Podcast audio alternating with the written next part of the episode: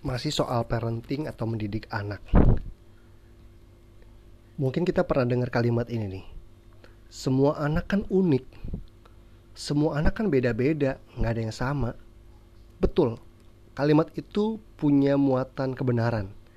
Semua anak diciptakan unik sama Tuhan, punya perbedaan dalam banyak hal, punya bakat yang unik, kemampuan yang unik, berbeda-beda bahkan perkembangannya.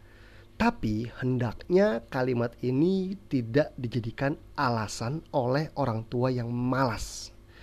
Karena kadang-kadang nih ada orang tua-orang tua yang mendapati anaknya di usia tertentu belum bisa ini itu nggak sama seperti anak lain. Terus sembunyi di kalimat ini. Semua anak kan unik. Semua anak kan beda-beda. Kalau anak saya belum bisa ini itu ya nggak usah stres-stres banget lah. Kan karena apa? Setiap anak berbeda-beda tingkat perkembangannya. Ada betulnya, tapi kalau apa yang terjadi dalam kehidupan anak-anak kita itu merupakan buah kemalasan kita, maka sangat nggak bijak banget menggunakan kalimat tersebut sebagai tameng, sebagai excuse yang membuat anak-anak kita terus nggak berkembang. Anak-anak kita nggak boleh jadi korban excuse kita, nggak boleh jadi korban alasan-alasan orang tua yang dikemukakan alasan tersebut karena sebetulnya kita malas dan nggak bertanggung jawab.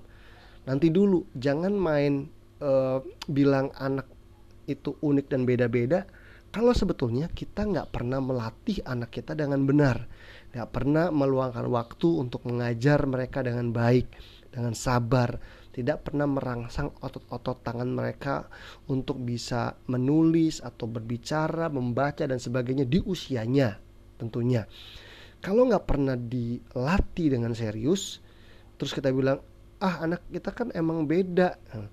Beda itu apa? Apa kalau memang sudah dilatih dengan serius, dengan benar, ternyata memang nggak bisa, ya memang mungkin anak kita perlu penanganan yang berbeda, entah perlu diperiksa, apa ada masalah tertentu, ada perlu treatment tertentu, tapi jangan sampai anak yang sebetulnya punya kemampuan lebih tapi nggak bisa ini itu di usianya karena sebagai orang tua kita malas meluangkan waktu untuk mengajar, pendidik ataupun melatih mereka. Mengajar anak itu nggak mudah loh, karena anak banyak gak bisanya ya nggak sih. Kalau anaknya sudah remaja lebih mudah mungkin mengajarkan banyak hal sudah lebih mandiri. Tapi kalau anak yang kecil-kecil gitu ya usia usia 4 tahun, 3 tahun, 5 tahun, 6 tahun, mungkin ada banyak hal yang mereka nggak langsung bisa. Diperlukan kesabaran untuk melakukan pengulangan. Repetisi itu penting untuk membuat anak dari nggak bisa jadi bisa, dari nggak tahu jadi tahu, dari nggak ngerti jadi ngerti. Tinggal masalahnya satu, anak itu uh, punya orang tua yang malas atau enggak. Nah, orang tua yang malas ini adalah musuh bagi perkembangan anak. Musuh parenting salah satu yang terpenting adalah tadi kemalasan.